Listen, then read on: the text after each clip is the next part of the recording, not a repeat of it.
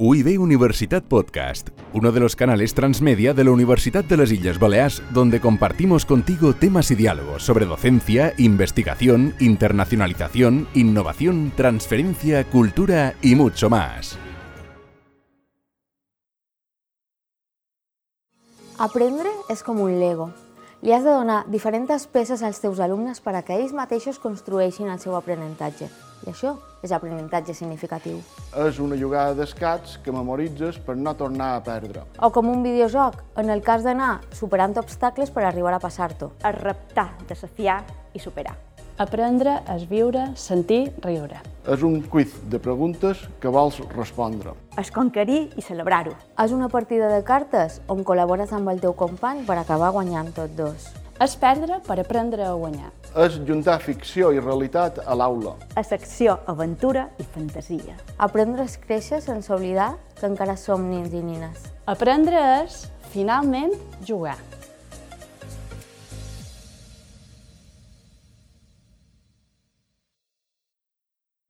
Vamos a empezar la segunda parte de la mañana y comenzamos con, con César, César Llorente, del cual os he hablado antes y que nos va a hablar sobre temas de activación del talento, gamificación, que tiene que ver con el vídeo previo que acabamos de, de visualizar y sobre todo aportación de valor.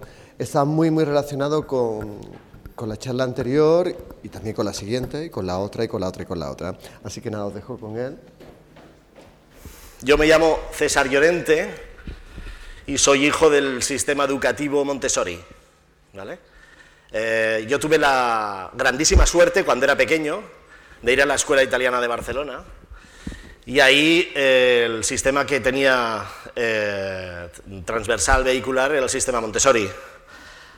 A partir de ahí tuve también la tremendísima suerte de eh, trabajar de mi profesión, yo soy psicólogo social, estudié en la Universidad de Barcelona, hice mi idea sobre dinámicas de motivación en el trabajo y actualmente estoy en la UIP haciendo el doctorado eh, sobre eh, las claves para identificar cuál sería eh, el éxito profesional. Tengo mucha suerte porque me puedo dedicar a mi profesión y además soy profesor asociado aquí en la UIP en la asignatura de formación en las organizaciones. ¿vale? La idea de hoy es explicaros cuatro cosas, algunas reflexiones, como decía Kurt Lewin, que la primera fase para iniciar un cambio siempre es impacto emocional, pues dar algunas ideas sobre, primero, de dónde vienen los alumnos o en qué estado llegan muchos de los alumnos que nos encontramos en la universidad, y a partir de ahí, eh, qué acciones se podrían llevar a cabo a nivel de gamificación y daros un poco el ABC de por dónde podría ir estas ideas a la hora de implementarlos en las, uh, en las aulas. ¿vale? Me presentaré a través de mis libros, ¿vale?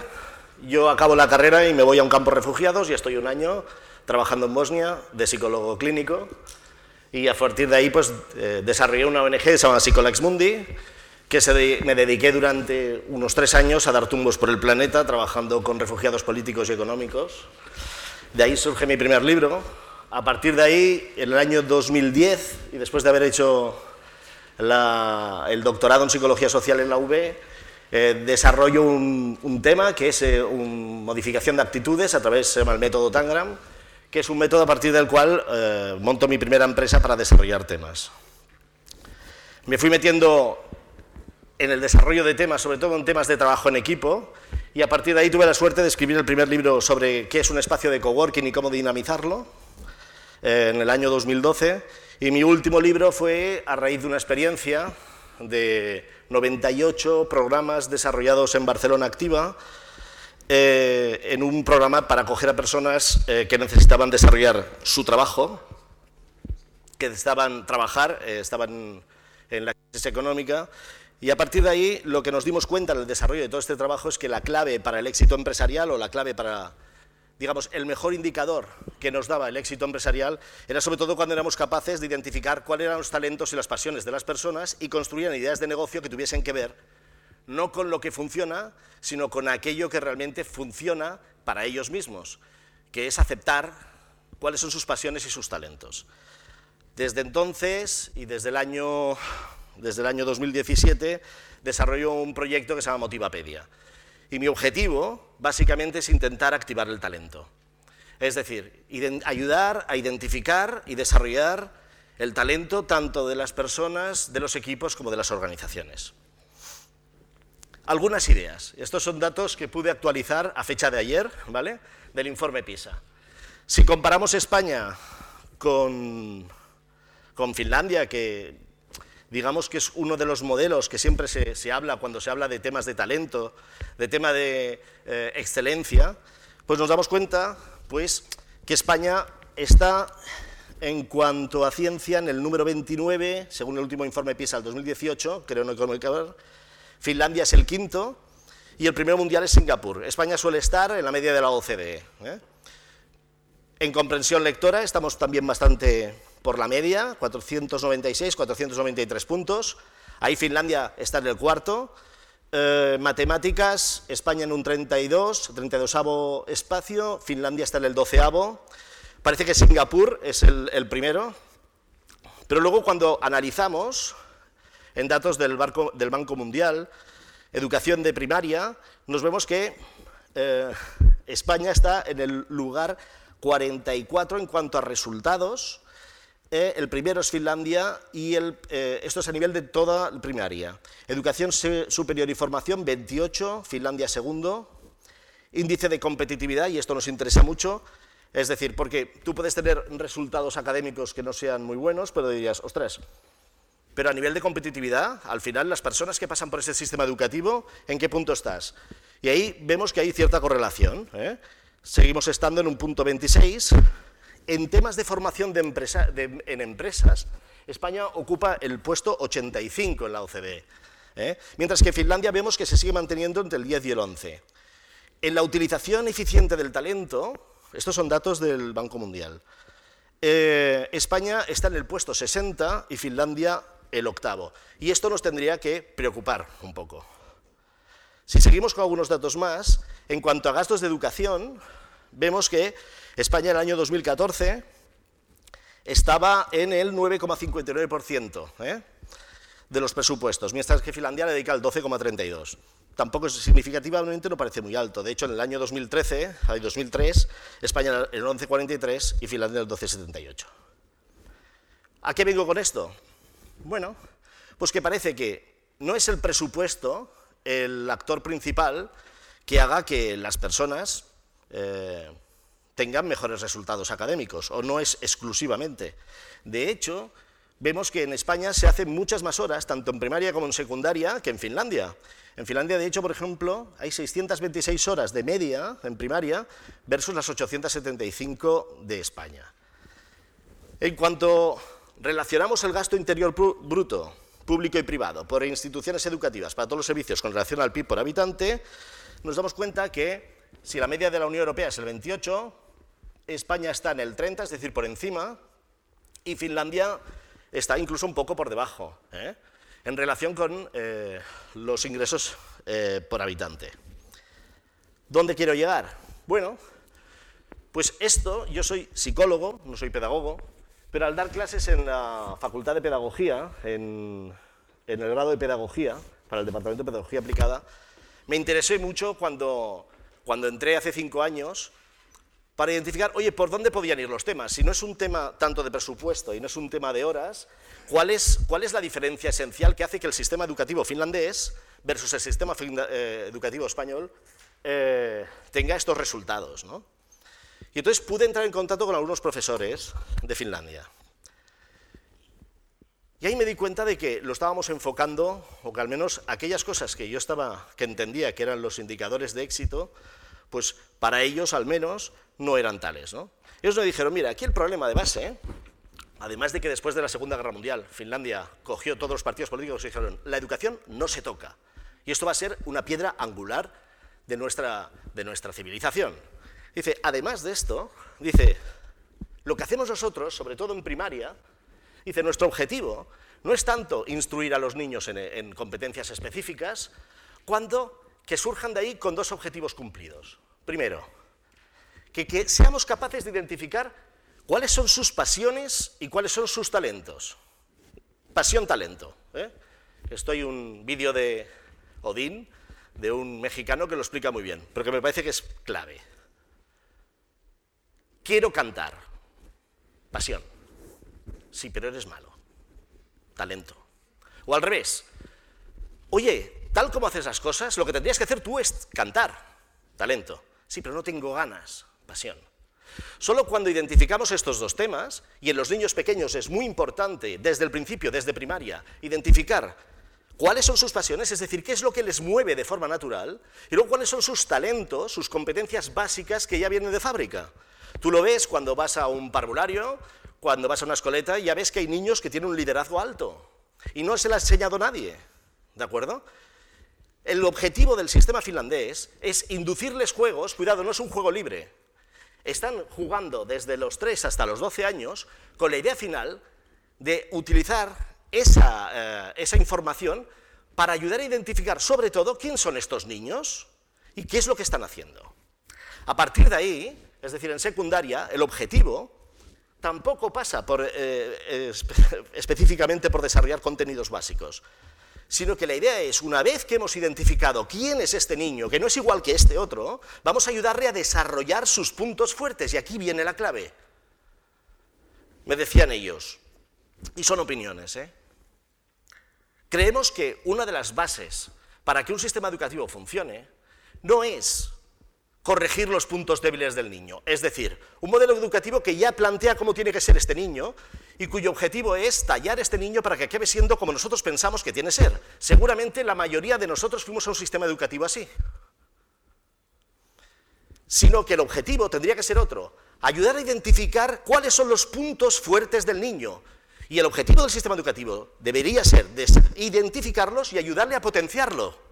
Sin embargo, cuando analizas, sobre todo las personas de mi generación, a qué le hemos dedicado más tiempo, no ha sido desarrollar nuestros puntos débiles. Frutos de un sistema educativo que no valoraba el talento, que no valoraba el talento individual, que no valoraba el desarrollo de los puntos fuertes, nosotros mismos hemos dejado de valorarlo. Si yo soy una persona que sabe hablar en público, que no es el caso, o que es una persona que sabe, por ejemplo, eh, organizarse bien, no lo valoro. Y no lo valoro porque considero que cualquiera lo puede hacer. Porque como es fácil para mí, eso no tiene valor. En un sistema finlandés, eso sería lo que yo le daría más valor. Pero nosotros tendemos a dedicar muchas horas, que, por ejemplo, a estudiar inglés. Con todos mis respetos. Además, hoy es un día feliz para mí el del inglés. Pero bueno, ¿cuánto tiempo le he dedicado a estudiar inglés y cuánto tiempo a desarrollar mis puntos fuertes? ¿Por qué explico esto? Porque de esos lodos, de esos polvos, estos lodos el niño pasa por un sistema educativo en el que, y no es culpa solo del sistema educativo, y dejamos también el concepto de culpa, ¿no? Pero es cierto de que estamos inmersos en una sociedad en que el talento y la pasión no se valoran suficientemente. Con lo cual el niño pasa por un sistema que al acabar el sistema y entrar en la universidad no ha hecho sobre todo las grandes reflexiones sobre quién es él y qué es lo que quiere hacer. Y una decisión tan estúpida como qué voy a hacer el resto de mi vida, y eso me pasó a mí, mm, yo lo recuerdo perfectamente, cuando tenía 18 años, ponerme un papel que pusiera, elige las cinco carreras o las ocho carreras que quieres estudiar. Y una decisión de si voy a ser psicólogo, economista, historiador o matemático podía depender de que alguien te pegara un codazo, porque ese era el nivel. El nivel de, de profundización que habíamos hecho sobre la orientación profesional. Claro, esa persona luego estudia la carrera que sea. Yo me lo sigo encontrando actualmente en los alumnos que, pasan por la carrera. Raro es el que ha puesto en primera opción pedagogía. Pero incluso esos, e incluso los otros, que querían estudiar otras cosas, podían querer estudiar otras cosas tampoco por una vocación específica. No, no, tienen un grado de conocimiento absoluto sobre qué es lo que quiero hacer. ¿A qué voy a dedicar el resto de mi vida? No es ninguna tontería porque esas personas luego acaban la carrera.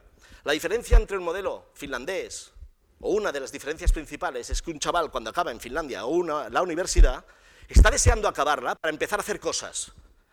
Nosotros nos encontramos en muchas ocasiones a personas que acaban la universidad y están preocupados, y están muy preocupados porque no saben qué van a hacer mañana.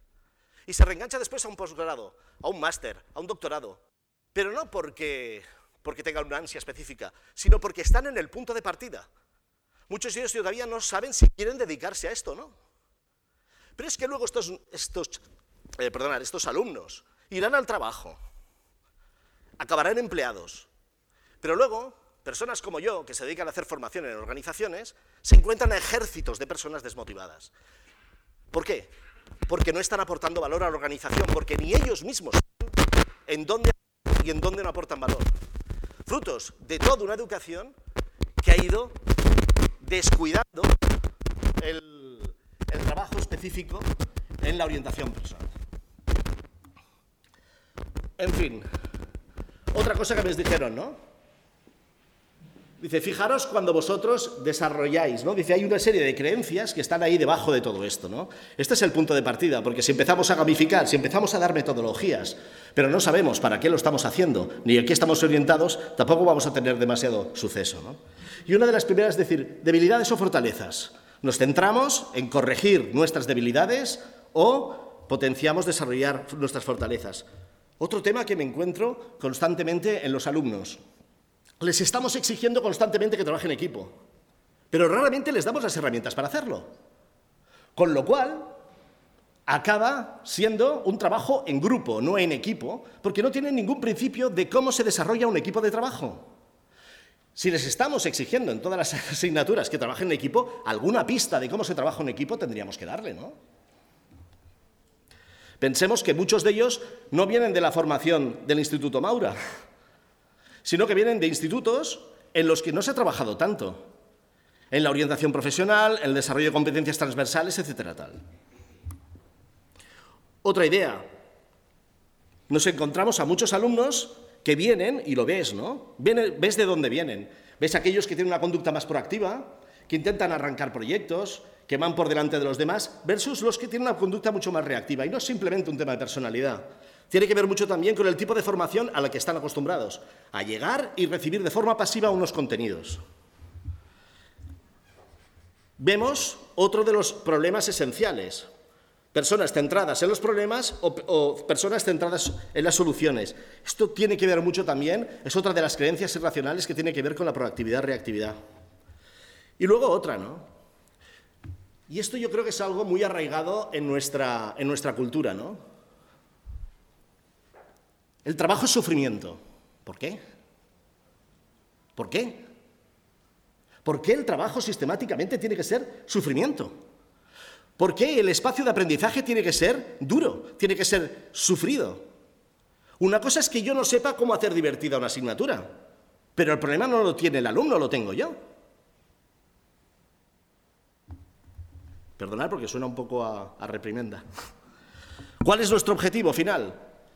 Identificar e intentar activar el talento dentro de, la universidad. ¿De qué forma? Y empecemos por un concepto básico.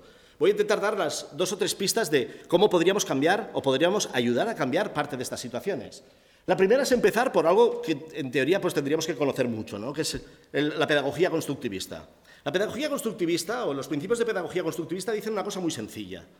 Dicen, oye, el alumno tiene que ser actor principal de la construcción del conocimiento. ¿Y qué quiere decir esto? Que tienen que ser ellos los que construyan su conocimiento. Todo esto que eh, llevo oyendo desde hace años, lo oía en la facultad, lo sigo oyendo aquí, raramente lo he visto puesto en práctica.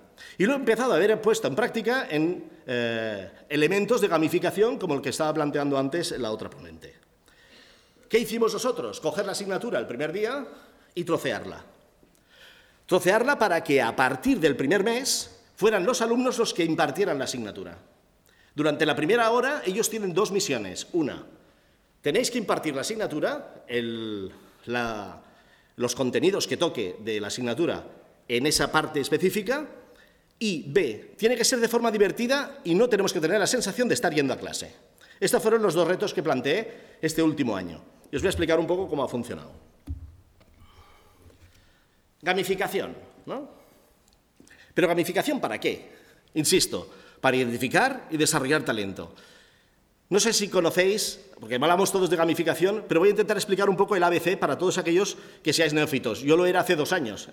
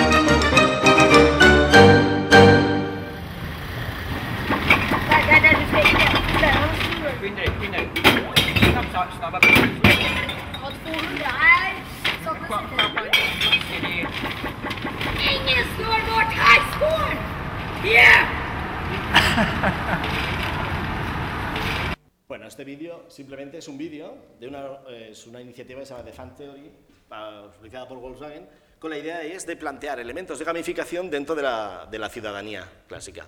Os podéis bajar unos cuantos, sobre todo habéis visto alguno, el del piano, ¿eh? Que transforman una escalera de metro en un piano, y al final pues tienes todas las personas que, bueno, el 90% de las personas suben andando la escalera en vez de utilizar el piano.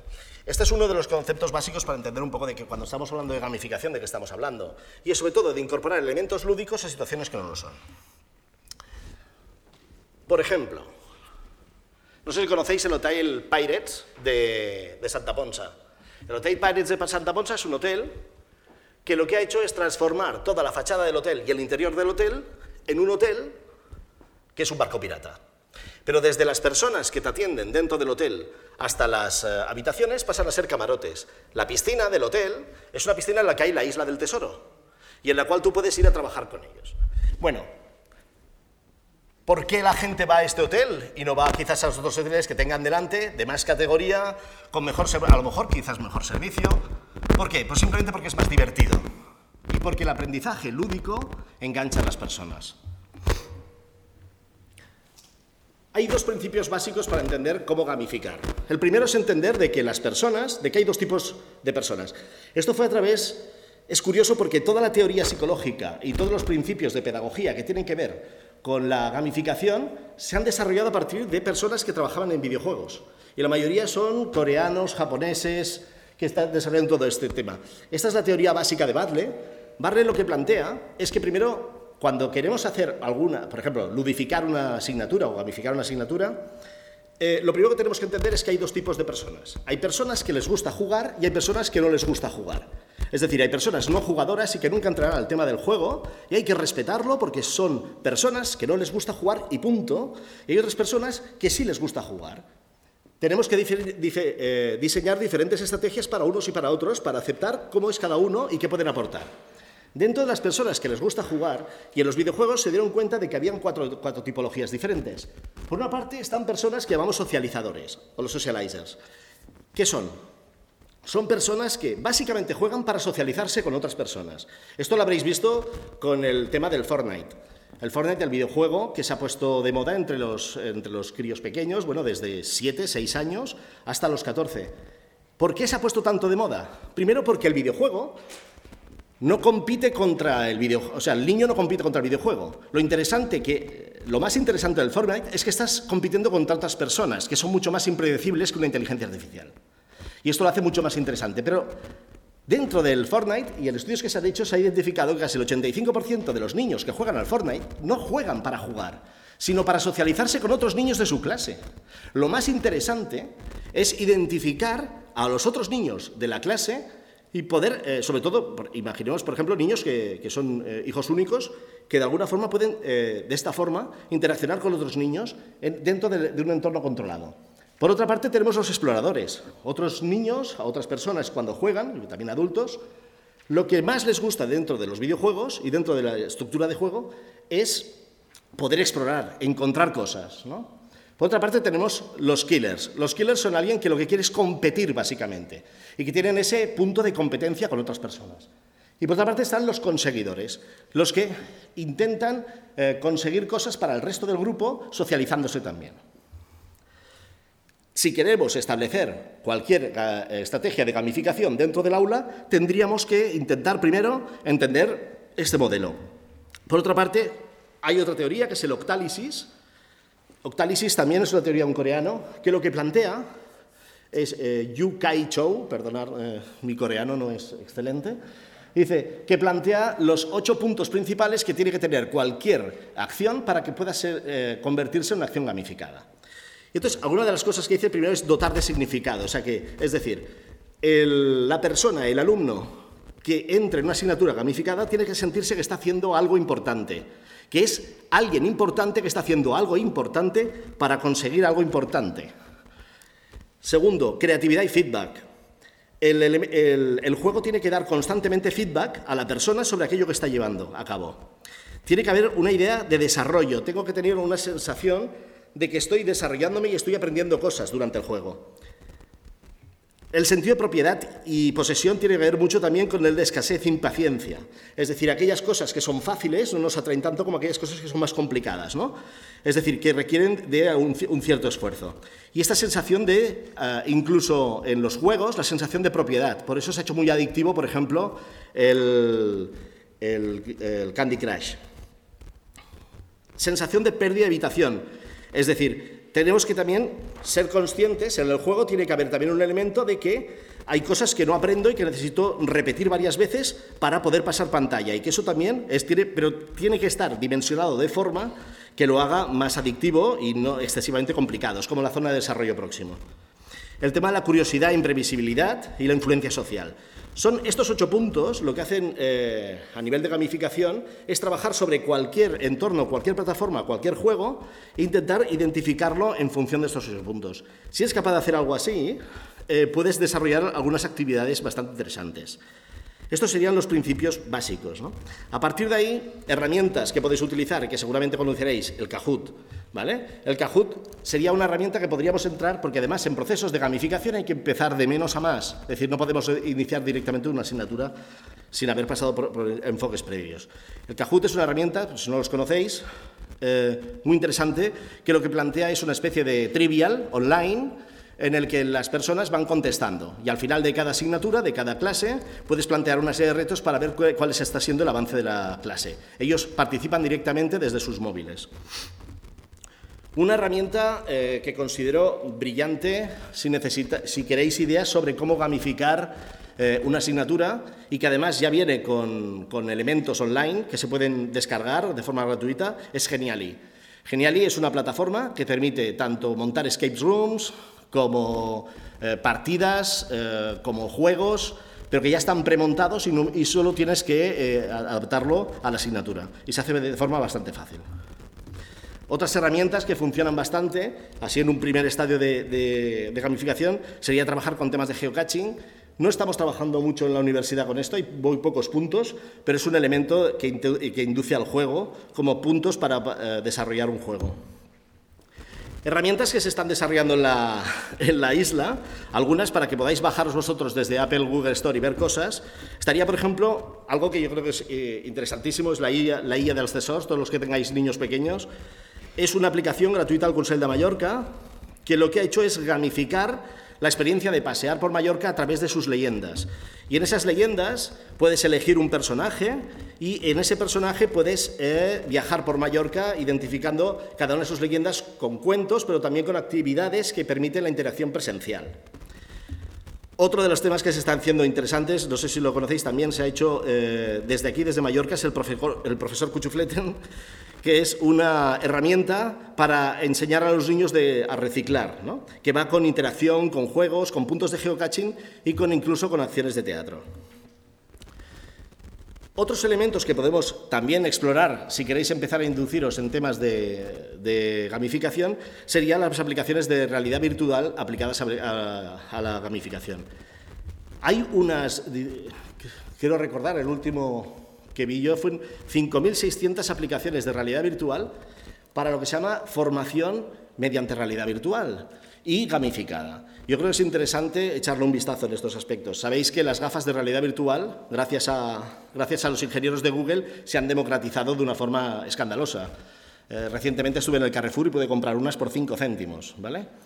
Hace tres años eh, las Google Cardboard valían 3.000 euros. ¿vale?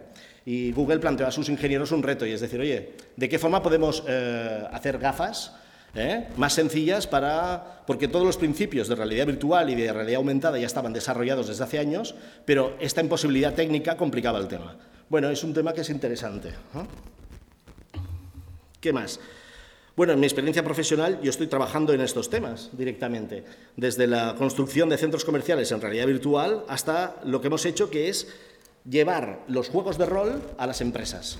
Es decir, nos dimos cuenta, y esto es una cosa interesante, de que, por ejemplo, Bill Gates, eh, Steve Jobs, eh, bueno, Jeff Bezos, por ejemplo, todas las personas que han acabado montando startups y que ahora están funcionando a un nivel bastante interesante, era, en su adolescencia fueron jugadores de rol. Yo no era jugador de rol ni sabía de lo que iba. Pero a partir de ahí empezamos a desarrollar toda una, unas experiencias que es llevar juegos de rol a las empresas. ¿Cuál es, qué es el punto más interesante de los juegos de rol? O uno de los puntos interesantes. Claro, tenemos unos chavales que de adolescentes se dedicaron a jugar a juegos de rol. En un juego de rol no ganas tú, gana el equipo. Y gana el equipo, sí, solo sí, el equipo, la persona que está tomando la decisión en ese momento, es capaz de ser consciente de cuáles son las competencias que le rodean. Esto es revolucionario. Porque si yo desde pequeño, cuando soy adolescente, y la adolescencia la juventud, estoy, estoy jugando y veo que lo más significativo para ganar la partida y para ir pasando pantallas es ser empático y ser consciente de qué están haciendo el resto de jugadores, luego, cuando me hago mayor y monto una empresa, ya voy con esta tradición, ya voy con esta idea y la implanto a mis organizaciones. Eh, esto es lo que hemos estado nosotros desarrollando. Y lo que me gustaría ahora es explicaros, os he explicado antes que eh, estos principios los llevamos a cabo en la universidad, en, el grado de pedagogía. Bueno, os voy a poner algunas imágenes. Esto es el último año. Mis alumnos desarrollando, en este caso, team buildings, actividades con Lego. Esto fueron eh, todas estas eh, actividades que desarrollan ellos eh, en, la, asignatura la hacen con una finalidad específica y es desarrollar la parte, los contenidos de la asignatura que a ellos les toca. Pero para ello utilizan diferentes metodologías. ¿Qué metodologías? Aquellas a, las que ellos les sea más eh, interesante para aplicárselo a sí mismos. Este es un escape room. En esta clase, por ejemplo, estábamos explicando los principios de inteligencia emocional. En esta clase estábamos trabajando los principios del trabajo en equipo. En esta clase estábamos desarrollando cuáles eran los conflictos que se daban en las organizaciones a través de, los alumnos, que, eh, bueno, pues dio la casualidad de que algunos eran magos. Y eh, en esta clase, por ejemplo, estamos haciendo un team building para hablar de los conflictos dentro de una organización. En esta clase estábamos desarrollando los principios básicos del octálisis. Y antes de acabar con, lo que os estaba contando, os voy a poner un poco, eh, bueno, una actividad que a mí me pareció sorprendente, porque era para explicar eh, el, contenido que tenía que explicar en ese día, era hacer un mapa de competencias específicos para cada persona, es decir, cómo hacemos un profesiograma de competencias genéricas y, técnicas. Y para ello montaron un escape room. Eh, vamos a ver si funciona bien. Sí.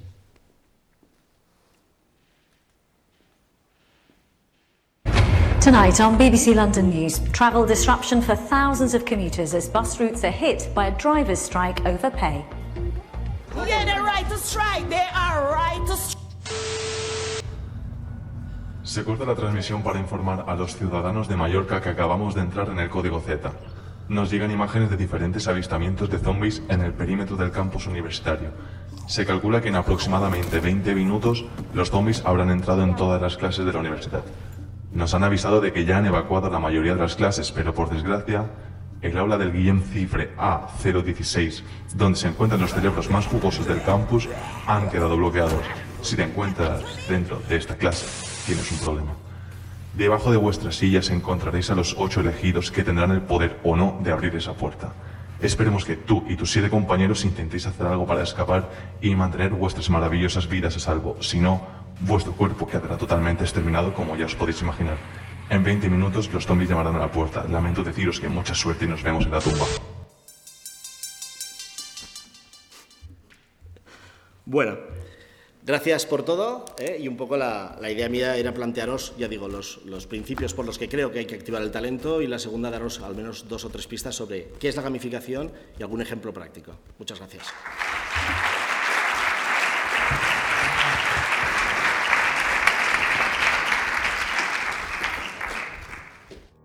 Muchas veces cuando el alumno inicia una asignatura en la universidad descubrimos que el nivel con el que llegan és menor de l'esperado. Això suposa una frustració per part de l'estudiant, que no pot seguir el ritme de la classe. També és frustrant pel professor, que no té temps d'explicar coneixements que ja haurien d'haver-se solit. Por esa razón hemos desarrollado un nuevo modelo de curso previo.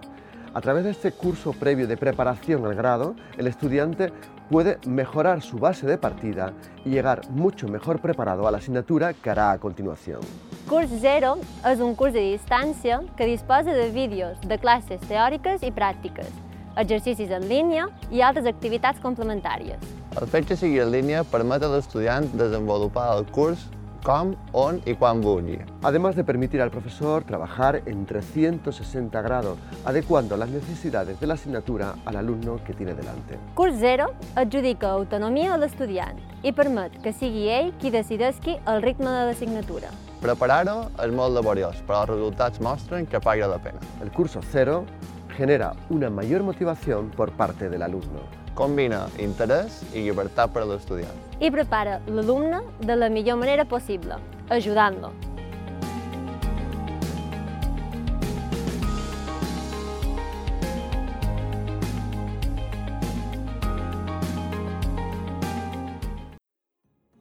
UIB Universitat Podcast, uno de los canales transmedia de la Universidad de las Islas Baleares, donde compartimos contigo temas y diálogos sobre docencia, investigación, internacionalización, innovación, transferencia, cultura y mucho más.